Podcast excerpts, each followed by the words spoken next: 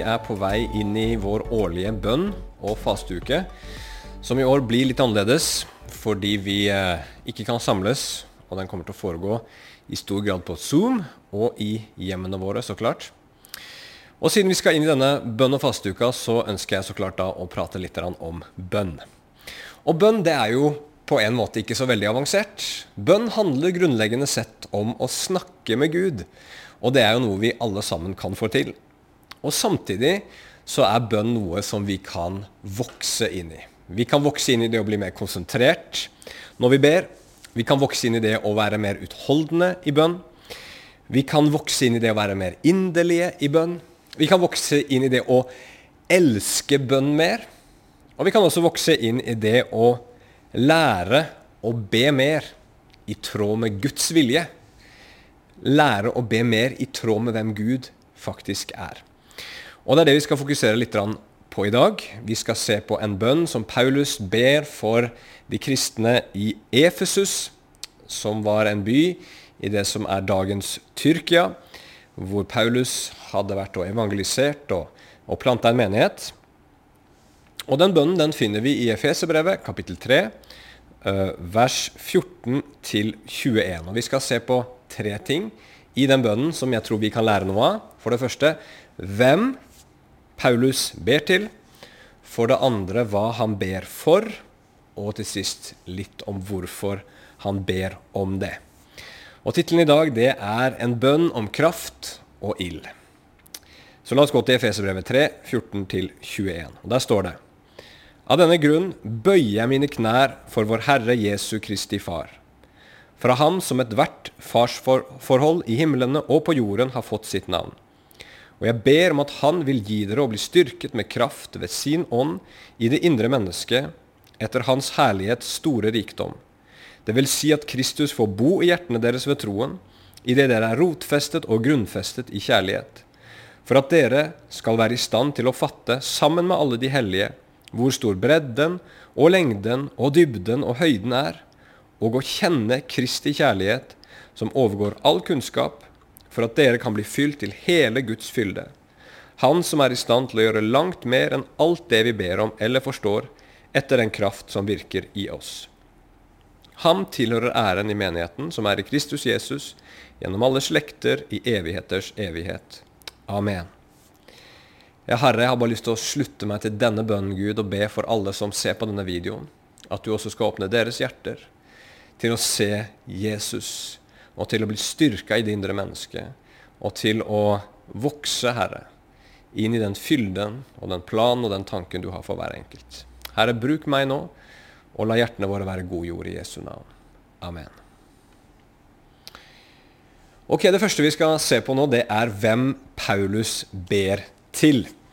Og det er klart Han ber til Gud, det er det ingen tvil om, men jeg har lyst til å fokusere litt mer inn på hva han tenker om Gud, om den Gud han ber til. Og Det står i begynnelsen at han bøyer sine knær for vår Herre Jesu Kristi Far. Og så står det veldig fint i eh, en oversettelse som er den rette far for alt som kalles barn i himmel og på jord. Hvorfor kaller Paulus Gud for den rette far for alt som kalles barn i himmel og på jord?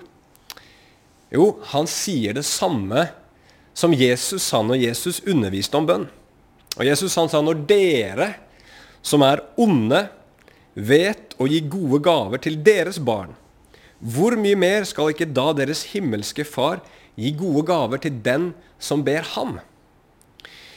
Det Jesus sier, og det Paulus også prøver å forklare her, det er at normale fedre de har omsorg for sine barn og gir dem det de trenger når de ber om det. Men Gud han er den rette far. Han er alle fedres far. Han er far over alle fedre. Hvor mye mer da vil ikke Gud, som er overalt og over alle, være god mot sine barn og gi dem gode gaver? Og på samme måte som gode fedre gir til sine barn med visdom.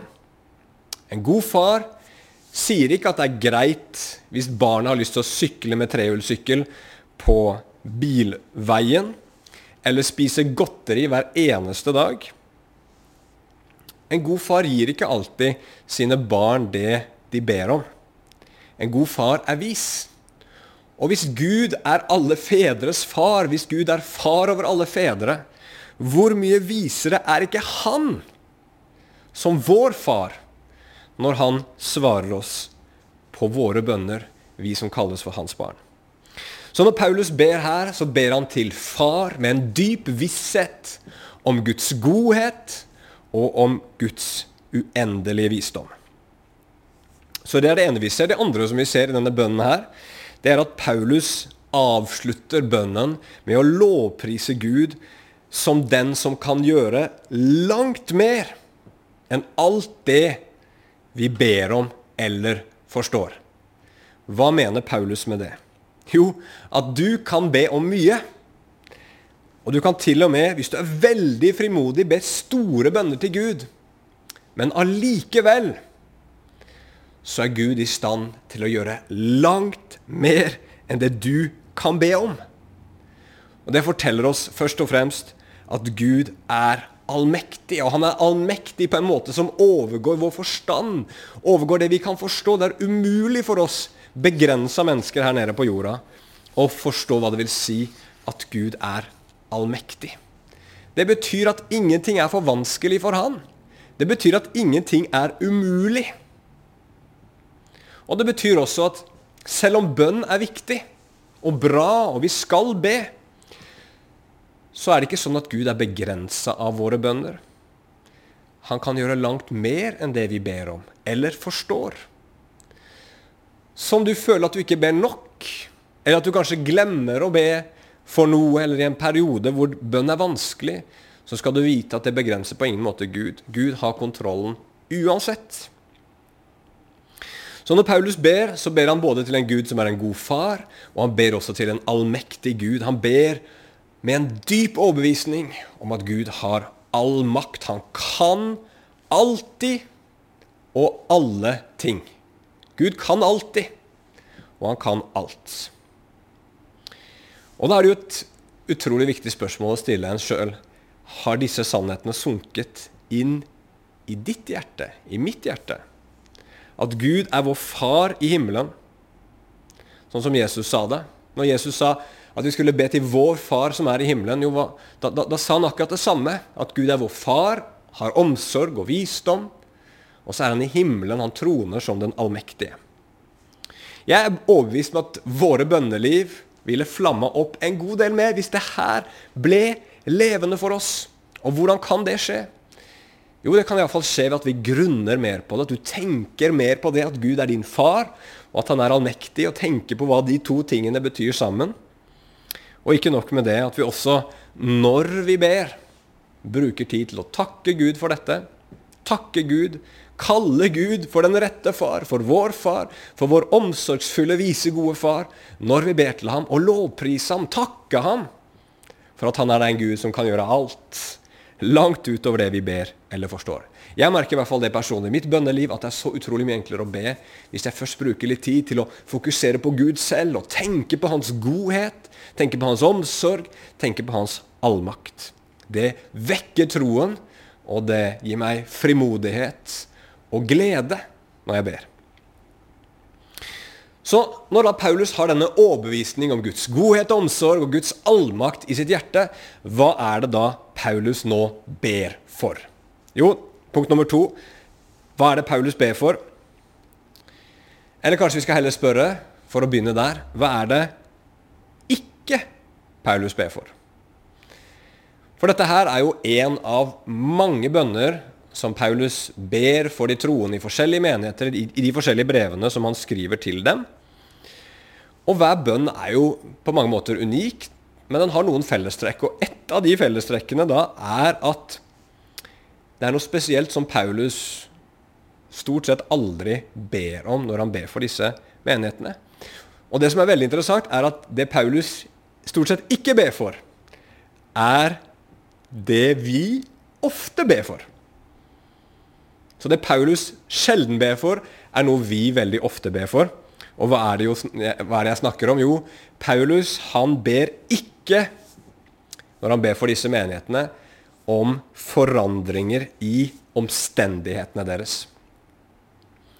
Menigheten i Efesus den var, eh, som de fleste menigheter antageligvis på den tiden her, under press, under forfølgelse. Vi kan lese om det i Apostlenes gjerninger kapittel 19.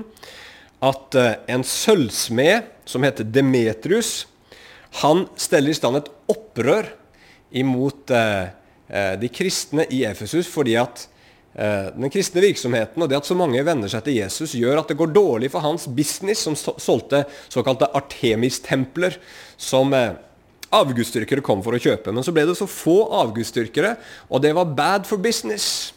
Og Dermed så blir det forfølgelse av de kristne.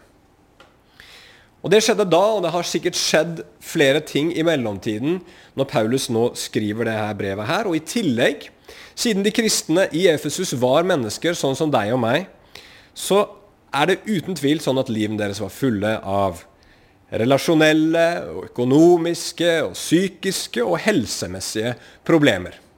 Og så kan vi også føye til at på denne tiden hvor disse kristne levde, så var det en helt forferdelig keiser i Roma. Keiser Nero. Han er berykta den dag i dag, og han sto ikke akkurat for de kristne verdiene. Og det var nok korrupte politikere overalt i Roma som hadde veldig, veldig lite sans for kristne verdier. Og når Paulus ber når Paulus ber for menigheten, så nevner han ingen av disse tingene i sine bønner. Betyr det at omstendighetene våre og den slags ting er fullstendig uviktig for Paulus? Nei, det vil jeg ikke si. F.eks. i Filippe-brevet så oppfordrer Paulus de kristne i Filippi til å ikke være bekymra for noe, men å legge alle ting framfor Gud i bønn og påkallelse med takksigelse, og så skulle Guds fred bevare hjerten deres. Så, så, Paulus sier at vi kan be for alle ting, alle ting som bekymrer oss. Og det er også sånn at Første gangen Paulus var i Efesus, så brukte Gud ham på en spesiell måte til å gjøre store mirakler. Mennesker ble helbreda, mennesker ble satt fri fra onde ånder. Og det er også tydelig i Paulus sine brever at han er overbevist om at Gud skal sørge for de kristnes behov. Men det Paulus forteller oss her, er at disse tingene som vi ofte ber for, ikke er sentralt. Det er ikke det som er det viktigste. Det var ikke derfor Gud frelste deg, for å gi deg et liv her på jorda som bare var et lite trinn under paradis. Nei, Gud han frelste deg med en annen hensikt. Og hva var den hensikten? Jo, for at du og jeg skulle bli mer lik Jesus. Og Det er derfor Paulus ber om helt andre ting. Han ber for disse kristne i Efesus at de må styrkes med kraft i det indre mennesket. At Kristus må bo ved troen i hjertene deres. Og at de skal fatte Kristi kjærlighet, som overgår all kunnskap. Hva handler det her om? Jo, Enkelt sagt så kan vi si at Paulus han ber om at de kristne må få indre styrke til å bli stående rotfesta, grunnfesta, faste. Og at de må få en åpenbaring av hvem Jesus er, og hva han har gjort. Sånn at de kan få vokse inn Guds fylde, altså alt det Gud har for dem.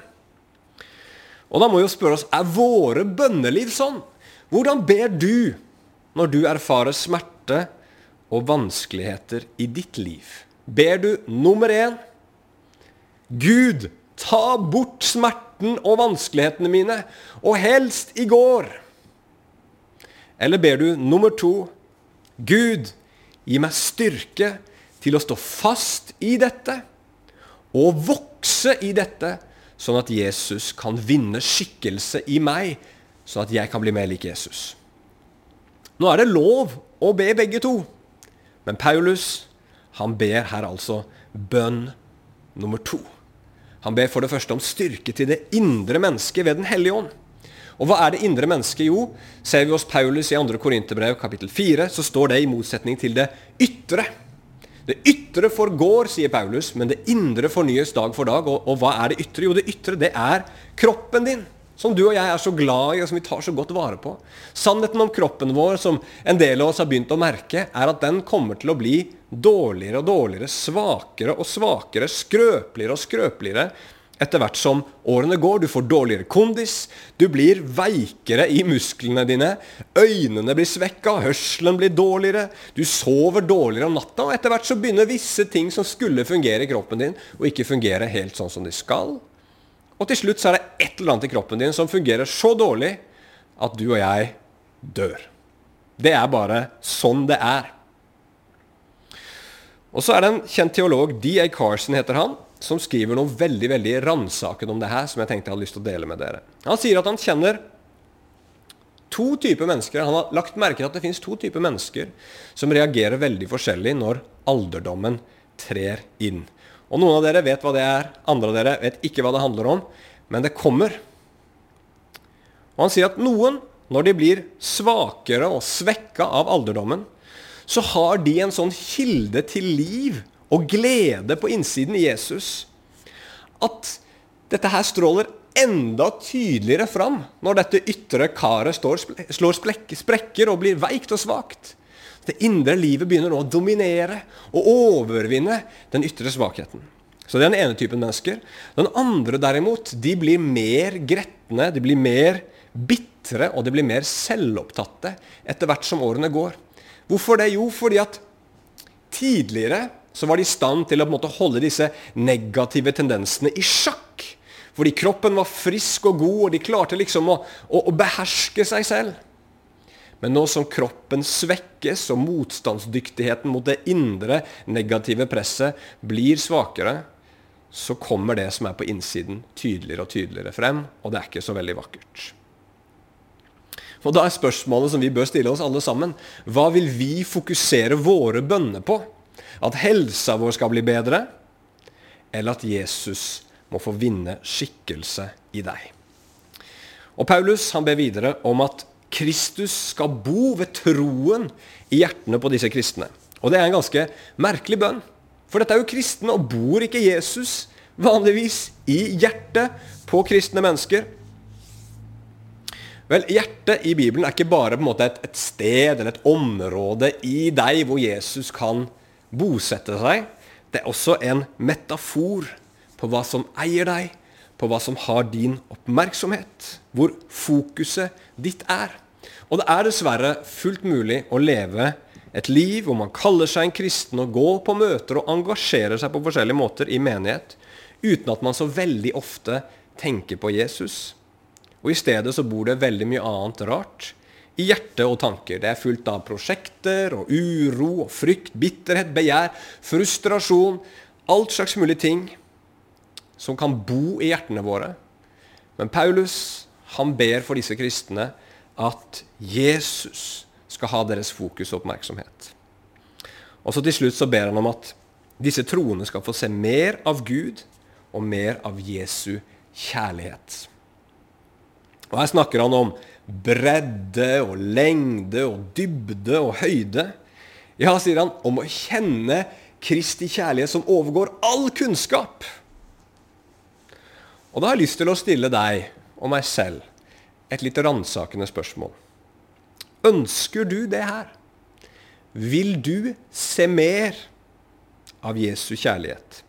Vil du gå forbi kunnskapsstadiet, teorien hvor du vet om dette, til å virkelig møte, erfare og la denne kjærligheten få gripe deg? Hvorfor i all verden spør jeg om det? Hvorfor er det et ransakende spørsmål? Jo, fordi at mange av oss kan nemlig ha en tro hvor Jesus egentlig bare er et middel til et mål.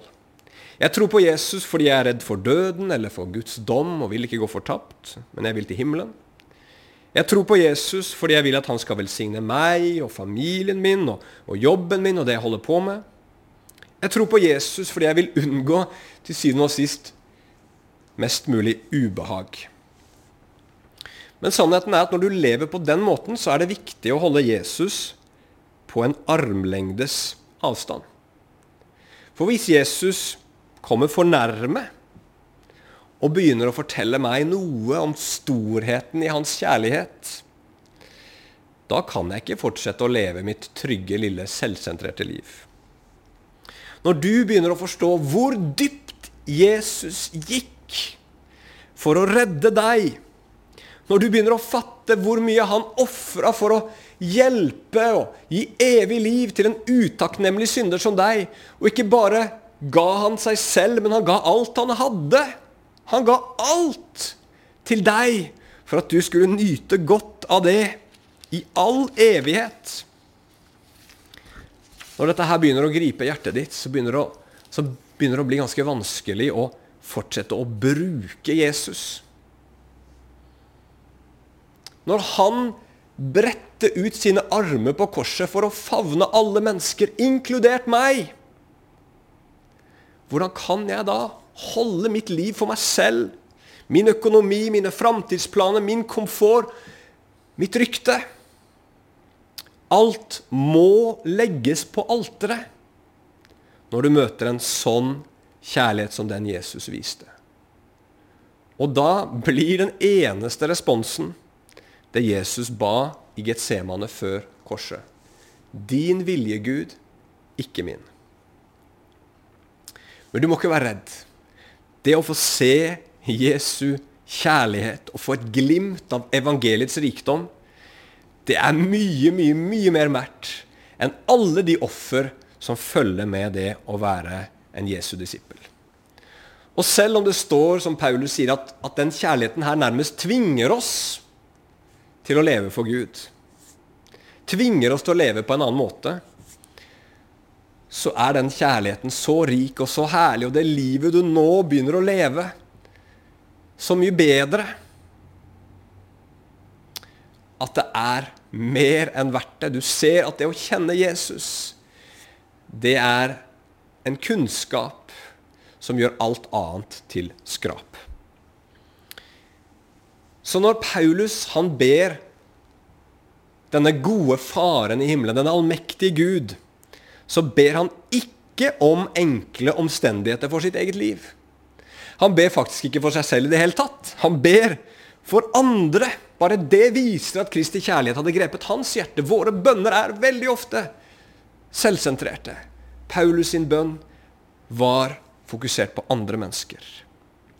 Men når han ber for andre, så ber han ikke for de tingene disse menneskene sikkert umiddelbart mest av alt skulle ønske seg. Men han ber om indre kraft, og han ber om åpenbaring. Og hvorfor gjør han det? Hvorfor ber Paulus om dette? Punkt nummer tre. Og Vi har jo allerede vært inne på det, men jeg har lyst til å utbrodere det litt til slutt. Paulus han ber om disse tingene fordi det er det vi kristne trenger mest, og det er det også verden trenger mest. Du vet, De første menneskene, da de brøt Guds bud i hagen, og de spiste av treet, så var ikke essensen i problemet i det som skjedde, denne frukten. Problemet var ikke at de spiste akkurat den frukten, men problemet var at de valgte noe annet framfor Gud. Noe annet ble viktigere for dem enn skaperen. Og det er ditt og mitt dypeste problem. Også når vi kommer til Jesus. Det er det vi kommer til Jesus for. For at vårt fall fra Gud, vårt syndefall, det fører mange negative konsekvenser med seg. Det vi kaller for synder og som Jesus døde på korset for å tilgi, for å rense oss. Men hovedhensikten med korset, det var å gjøre oss til sånne mennesker som velger Gud framfor alle andre ting. Og da er spørsmålet hvordan kan det skje? Og det sier Bibelen veldig klart og tydelig. Det skjer ved Den hellige ånd. Det er Den hellige ånd som gjør det verket i ditt liv. Og så bruker Den hellige ånd vanskelige ytre omstendigheter i livet ditt for å gjøre det verket.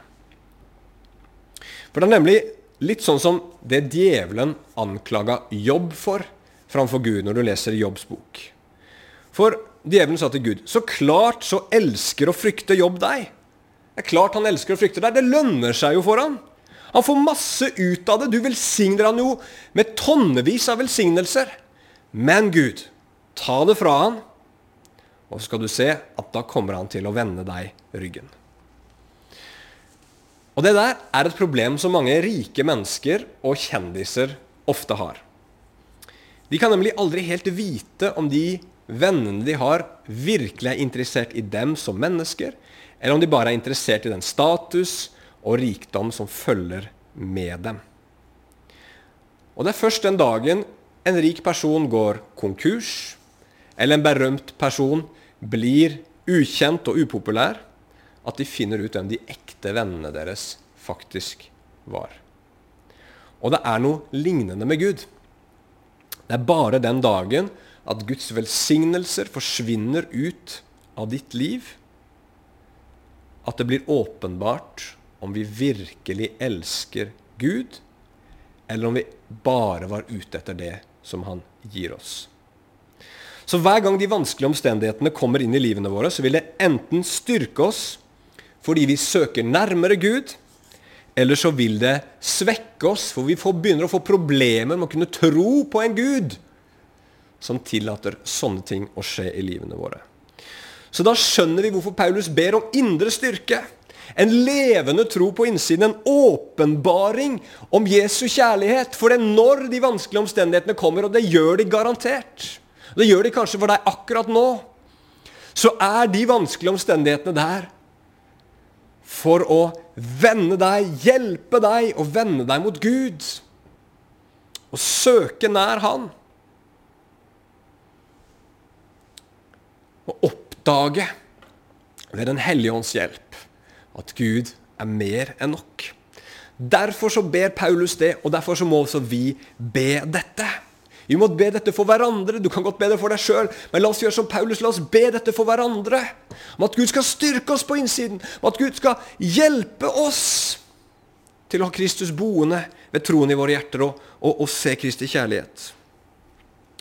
Og så er det også sånn at det er dette verden trenger. Verden trenger ikke flere kristne som ikke har indre kraft til å stå når presset blir stort. Verden trenger ikke flere kristne som lever i kompromiss når de føler at de går for glipp av for mange av verdens gleder, hvis de, skal, hvis de følger Jesus helhjerta. Verden trenger ikke flere kristne som ikke orker å stå når det koster noe å følge Jesus. For sånne kristne får Jesus til å se helt uviktig og uvesentlig ut. Ja, ja, jeg, jeg tror jo på han.